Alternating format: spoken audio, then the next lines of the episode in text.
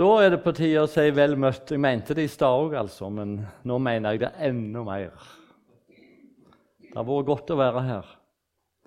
Og så er det så fint at når du kommer sammen, så er det en som åpner, og en leder. Noen spiller piano, noen synger, noen står her og sier noe. Og av og til er det noen som spretter opp nede i salen òg. Aldri godt å vite. Så vi er med liksom den enkelte. Nå bor jo jeg på Flekkerøya, hører til Kristiansand kommune. Og der hadde de en sånn original for noen år siden. Han sa mange vittige ting som blir stående igjen. Jeg vet ikke om alt er sant heller. Satser på at dette her er sant. Men eh, han likte seg ikke så veldig godt på skolen. Eh, men han likte godt sløyd. Så en av de første dagene når de skulle ha sløyd, så skulle de lage sånn ei brødfjøl, vet du. Vet du hva det er? Og så fikk de òg lov å inngravere noe på baksida av den fjøla. Og det gjorde han. Og så tenkte han den skal jeg gi til mamma. Og pakket den inn i fint papir og kommer hjem til mora. 'Vær så god', sa han. 'Se hva jeg har lagd til deg på sløyden i dag.'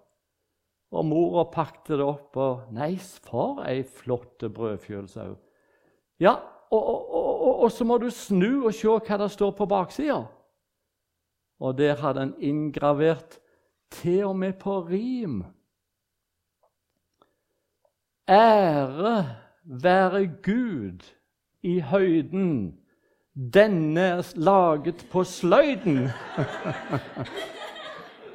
Den er god. Og jeg tror mora ble glad.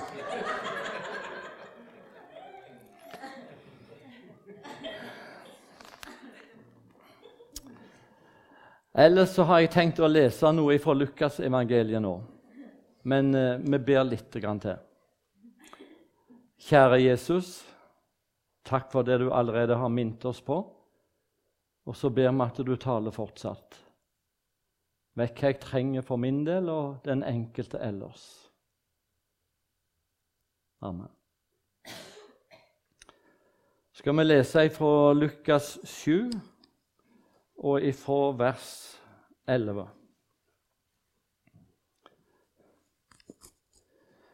Dagen etter skjedde det at han dro til en by som heter Nain. Mange av hans disipler og mye folk gikk dit sammen med ham. Da han nærmet seg byporten, se, da ble en død båret ut. Han var sin mors eneste sønn og hun var enke. Mye folk fra byen var med henne. Da Herren så henne, fikk han medynk med henne og sa til henne, Gråt ikke. Så gikk han borttil og rørte ved båren. De som bar den, stanset, og han sa, Unge mann, jeg sier deg, stå opp. Da satte den døde seg opp og begynte å tale, og han gav ham til hans mor.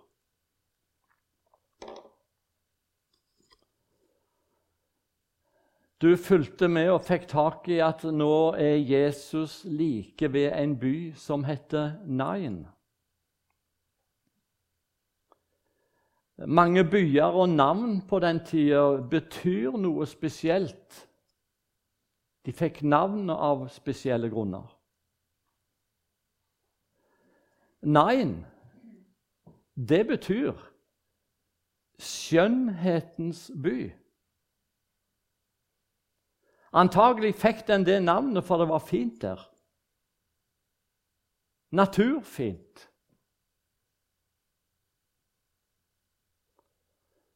Når vi har bodd her i Oddvar og Malena her over ei uke nå,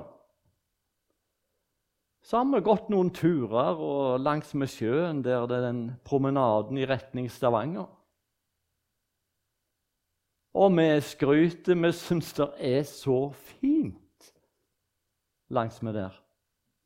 Det er nesten som Sandnes, iallfall der nede, kunne hete 'Skjønnhetens by'. Og du skal bare komme til Flekkerøya, ser du. Men du, denne dagen i skjønnhetens by i Nain så var ikke alt bare fint. Når Jesus kommer med sitt følge, så er det et annet følge der. Det er ei mor som hadde mista sin eneste sønn. Han var død. Og det var i ferd med å føre han til ei grav.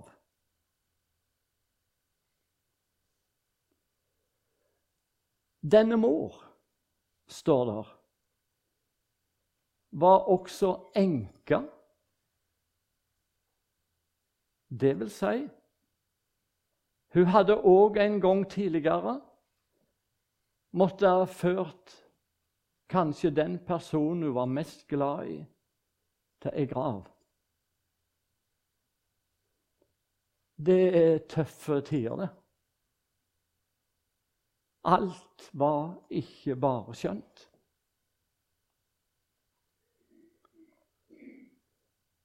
Det kan veldig godt være at alt ikke bare er skjønt her i Sandnes heller. Selv om det er fint. Kan hende er du med oss i kveld som nettopp i seinere tid har møtt på noe av det samme som denne mor, denne enka. Og ennå merker du tomrommet og minnene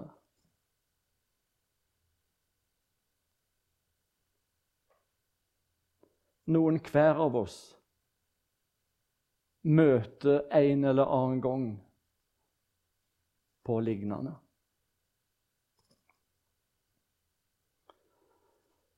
Det er heller ikke slik at vi som tror på Jesus og tror at vi er Guds barn, slipper unna alt som er vanskelig og vondt ellers heller. Det står til og med i Hebreerne 12 at den Herren elsker, den tukter han. Og han hudstryker hver sønn som han tar seg av.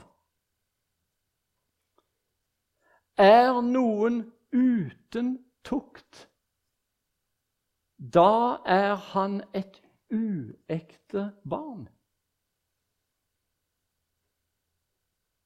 Om du er her, du Guds barn, og opplever tøffe tider og tenker Er ikke Gud glad i meg lenger? Den Herren elsker, den tukter han. Også Israels folk i Det gamle testamentet ble ført inn i tøffe tider iblant. Og ikke alltid forsto de hvorfor mye vanskeligheter måtte inntreffe. De var i utlendighet i Babel i mange år. Og Gud hadde lovt at han en dag skulle føre dem hjem igjen. Men det drygde, og de ble så utålmodige og så mørkt på situasjonen.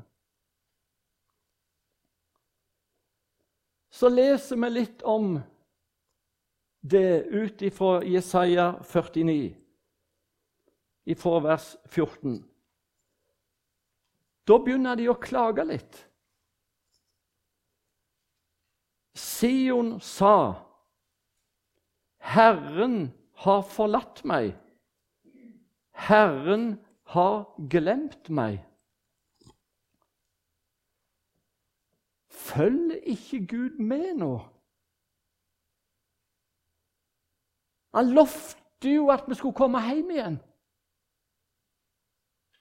Har han glemt oss? Og videre så får de et svar. Glemmer vel en kvinne sitt diende barn, så hun ikke forbarmer seg over sitt livs sønn? Om også de glemmer, så glemmer ikke jeg deg lød svaret. Jeg vil tro det er noen mødre iblant oss i kveld. Til og med noen som ikke har vært mødre så lenge. Jeg har aldri vært mor, men jeg er gift med ei mor. Og jeg har sett kona mi når hun legger diebarnet inn til brystet og skal gi melk. Jeg kan aldri tenke meg at hun akkurat i den stunda diebarnet ligger og suger melk, kan bli glemt av mor. For visstnok ut ifra grunnteksten så betyr det i det øyeblikket akkurat dette skjer, mens det ligger inntil brystet, kan mor glemme barnet akkurat da? Selvsagt ikke. Men om det skulle skje, så heter det altså Om også de glemmer, så glemmer ikke jeg deg. Hvorfor det? Jo, se, mitt barn, i begge mine hender har jeg tegnet deg. Vi vet at Jesus Kristus nå har vandra foran og er hjemme hos Gud. Han ble reist opp den tredje dagen, og så en stund senere tok Gud han hjem. Samtidig er han iblant oss her ved sin ånd.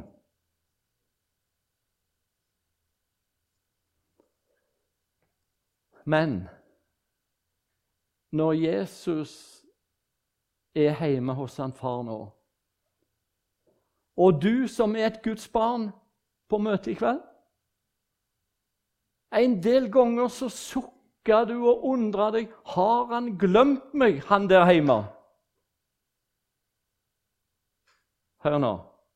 Du, se, sier Jesus. I begge mine hender har jeg tegnet deg. Jesus, han har iallfall tegnet oss i sine hender. Det er noen merker i de hendene. Du vet hvorfor han fikk de merkene, og når det skjedde. Da han ble hengt på et kors. Han hang der for å ta all verdens skyld og synd på seg. Tok straffa for hvert et menneske som bare hadde gjort Gud imot. De merkene Når han ser dem, så var det for deg, og det var for meg. Og så står det ei linje mer i dette verset i Jesaja 49. Dine murer står alltid for meg. Han far der hjemme, han ser hver en mur som måtte være foran oss på denne jord. Og om alle her nå ser blide og fornøyde ut, så vet jeg av egen erfaring. Vi kan godt ha et fint ytre, og så kan vi verke på innsida. For det er kommet opp noen murer som stenger i livet mitt. De murene kan vi sette forskjellige navn på.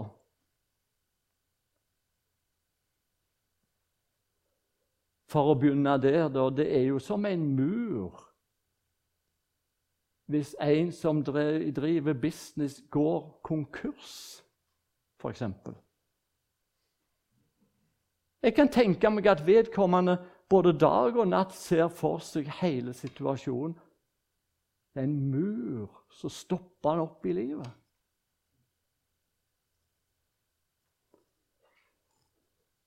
Jeg kan òg tenke meg denne enka som vi møtte i teksten i kveld. Det måtte være som en mur som gjør hele livssituasjonen så tøff.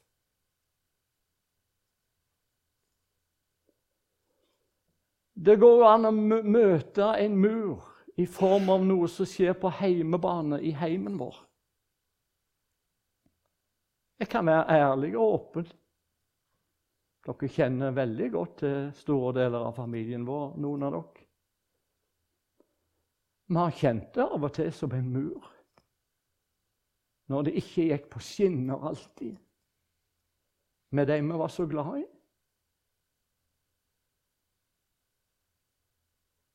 Da blir tida tøff. Og du har kanskje noen av dine òg. noen brudd her og der. Og Det høres så enkelt ut, for det skjer med så mange i dag. Men bruddet akkurat i din heim og i min heim Det er ikke bare et brudd, men åh, det blir som en mur. Ikke kan det komme over, ikke gå gjennom og ikke gå rundt.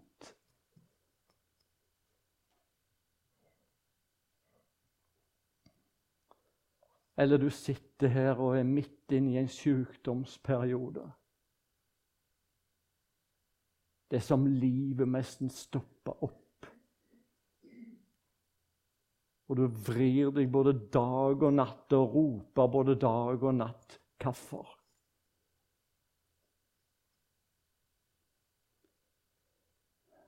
Der er likevel én mur som eh, djupest sett er verre enn alle andre murer. For da Gud hadde skapt mennesket, og han sa at nå er alt såre godt i paradis Han var fornøyd. Det var god kontakt med mennesket og han far i himmelen. Men så kommer djevelen inn i form av en slange og lurer mennesket trill rundt. Og etterpå, når han far i himmelen skal uttale seg om det han hadde skapt, mennesket,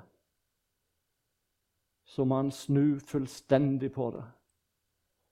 Og nå lyder det Herren så at menneskets ondskap bare var stor på jorden, og alle dets hjertes tanker bare var onde. En mur mellom menneske og Gud. Det ble skilsmisse der, altså. Men du Romerbrevet sier det slik i det femte kapittelet, i vers 18 f.eks. En manns overtredelse ble til fordømmelse for alle mennesker. Og neste vers De mange kom til å stå som syndere ved det ene menneskets ulydighet. Den enes fall dro det med i hele slekta, hele menneskeheten. David sier, 'Min mor har unnfanget meg i synd. Jeg er født i misgjerning.'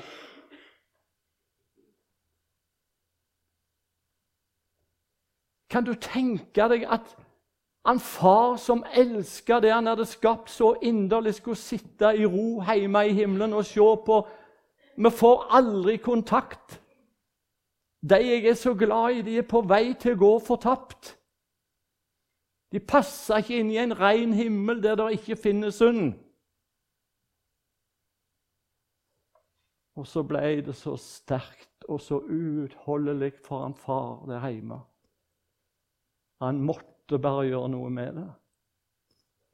Og hør mer i Romerne 5. Liksom en manns overtredelse ble til fordømmelse for alle mennesker. Slik blir også en manns rettferdige gjerning til livsens rettferdiggjørelse for alle mennesker. For liksom de mange kom til å stå som syndere ved det ene menneskets ulydighet, så skal også de mange stå som rettferdige ved den enes lydighet. Gud sendte Jesus ned på ei syndig jord han oppfylte alle Guds bud til punkt og prikke, det vi ikke hadde nubbesjans til å klare. Det gjorde han. Og når han ropte ut den setningen som mange har hørt på korset Nå, det er fullbrakt. Det er ferdig nå, far. Da hadde han med sitt liv og ved sin død på det korset gjort godt igjen. For det ene fallet så drog skilsmissen med til hvert et menneske. Nå lyder det, og det ropes ut. Det er derfor vi har møtene her òg, annet. Land, folk, hør! Alt er ferdig. Kom! Nå er Gud blitt en forsona Gud i Jesus. Kom til Jesus, da!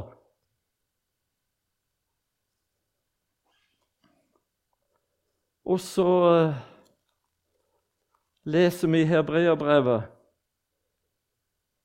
Jesus, i hans blod, har vi frimodighet til å gå inn i helligdommen. Til den har han innviet for oss en ny og levende vei gjennom forhenget. Det er hans kjød. Altså Gud ordna med en vei hjem til seg gjennom Jesus. Jeg fikk høre om dette når jeg var 17-18 år. Jeg har ikke vokst opp i en kristen heim. Men det er besteforeldrene mine som har bedt for meg. Og så nådde budskapet om Jesus og frelse inn i en tenåringsliv. Jeg kunne bare komme. Veien hjem til Gud var åpna. Jesus var veien. Og så tok han imot. Der ved Nain denne dagen så var det egentlig to tog, to grupper. Det var ei gruppe som vi kan kalle dødens tog. Likfølge. dødstog. Og så var det ei annen gruppe. Jesus og hans følge. skal vi kalle dem livets tog.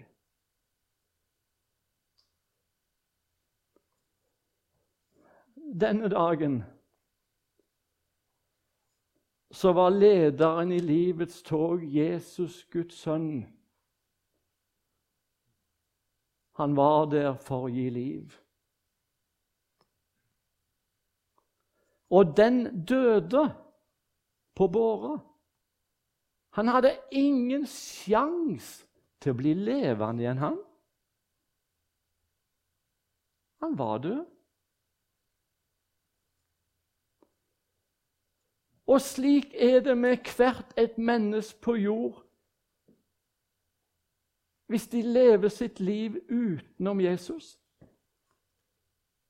så forteller Guds ord bl.a. i Efeserbrevet 2 at de er døde i sine overtredelser og synder.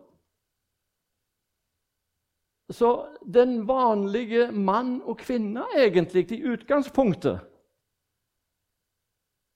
er så død i forhold til Gud at vedkommende ikke har sjanse til, til å finne på å vekke seg til et evig liv sjøl. Det er umulig.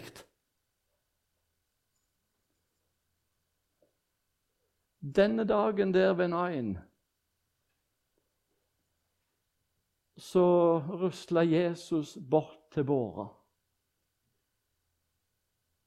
så rører han ved båret der den døde var. Og ved hans berøring så skapes det et liv. Den døde blir levende. Og hvis det skulle være noen her, eller lytte på radioen eller på, på opptaket seinere her og du vet at i ditt forhold til Gud så, så er det ikke liv. Og du klarer ikke å ta det evige liv til deg sjøl. Så skal du vite det i kveld. Han, livets herre, som var der ved Nain og rørte ved den døde, han er likedan i dag. Han kan legge hendene sine på deg, på noen hver. Og ved noen ord ifra Han, en berøring, så blir det skapt et heilspilder nytt liv. Et evig liv. Jeg tenker på det av og til når jeg går tur, f.eks. Gjerne når jeg går tur alene, enten det er her eller på Sørlandet. Jeg lurer på hvor mange her i de forskjellige boligene som lever med Gud og har evig liv. Hvor mange det er som ikke gjør det. Det er bare Gud som kjenner hjertene. da. Men liksom tankene kommer.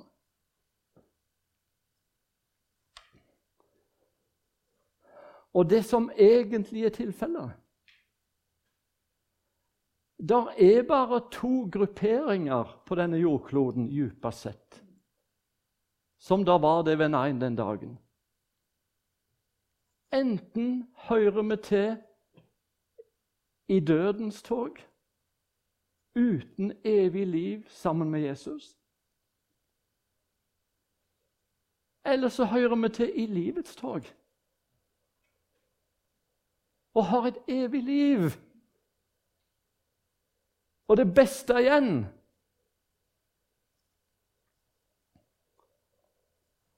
Det går et skille egentlig gjennom verden. Det skillet det, det deler Norge i to grupper, egentlig. Og, og, og det skillet der, det, det deler egentlig Sandnes òg i to.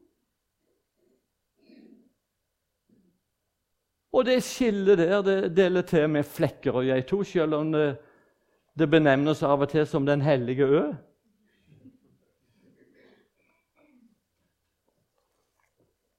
Og faktisk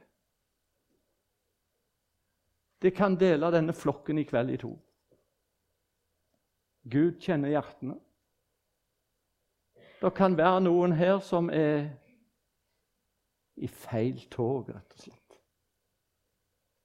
Og noen er i livets tog. Og du Til og med en heim kan slik bli delt i to grupperinger. Og så leser vi rett og slett da Jesus skal komme tilbake for å hente sine hjem, så skal det ligge to i samme seng. Den ene tas med. Den andre lates tilbake.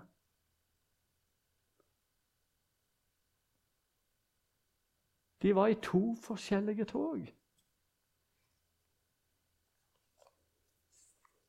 Hvis du er her i kveld, eller lytter på radioen, eller når det blir sendt på nett Vet du med deg sjøl Du er i det toget som enda egentlig med forferdelse. Hør nå. Du kan komme deg over på den rette sida akkurat nå, du. Han har gjort opp for alt som skilte deg òg ifra Gud. All synd er betalt for. Og i samme stund du tar din tilflukt til Jesus, dømmes du ikke skyldig.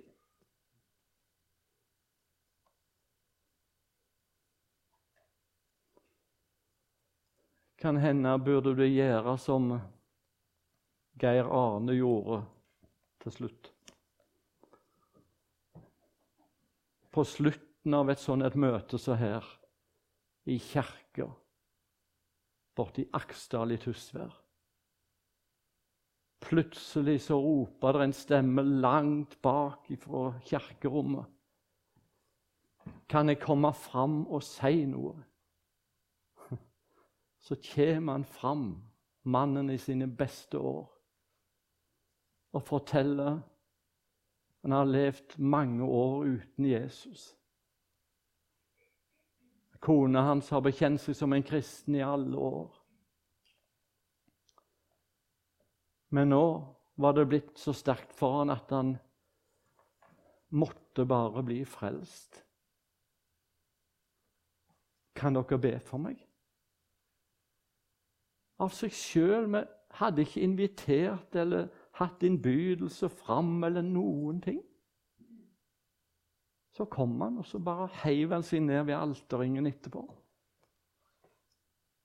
Og for ei stund, altså. Når han fikk motta uten å ha fortjent frelse. Og sånn er det. Det største som kan skje her i kveld, det var nettopp det. Og du som nå er en Jesu venn, som er ved en mur Du er velkommen, du òg, til å trenge inn på han. Kjære Jesus. Tusen takk at du kom for slike som ikke fikk det til som ikke fiksa det. Du kom for å søke og frelse det som var fortapt. Takk at du kom for meg òg. Så ser du hvordan vi har det i livet vårt.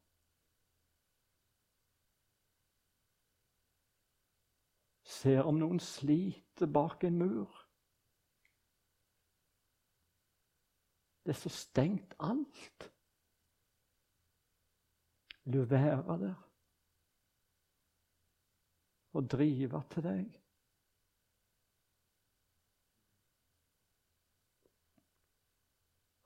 Kan vi ikke lukke øynene våre en liten stund? Så vi ikke blir opptatt av alle de andre.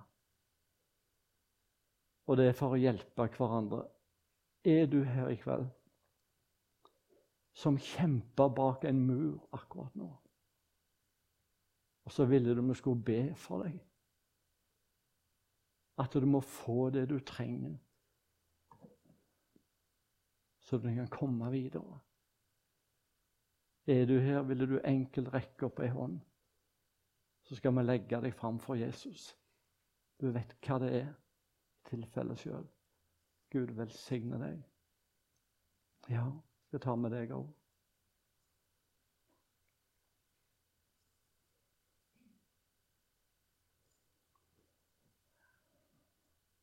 Er du her som eh, rett og slett vil ta Jesus på ordet i kveld? Og kapitulere og komme for å bli frelst. Kunne ikke du bekjenne det nå med å rekke opp hånda di? Skal vi be for deg òg? Om du er her? Så får du et bibelord med hjem etterpå.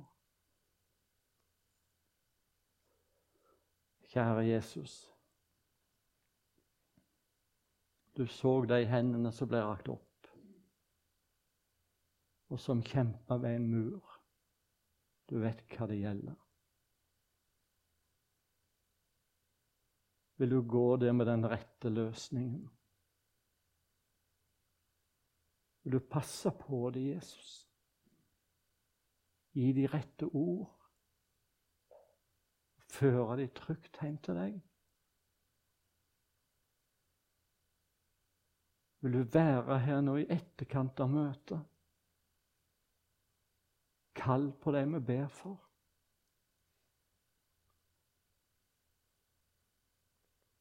I ditt navn. Amen.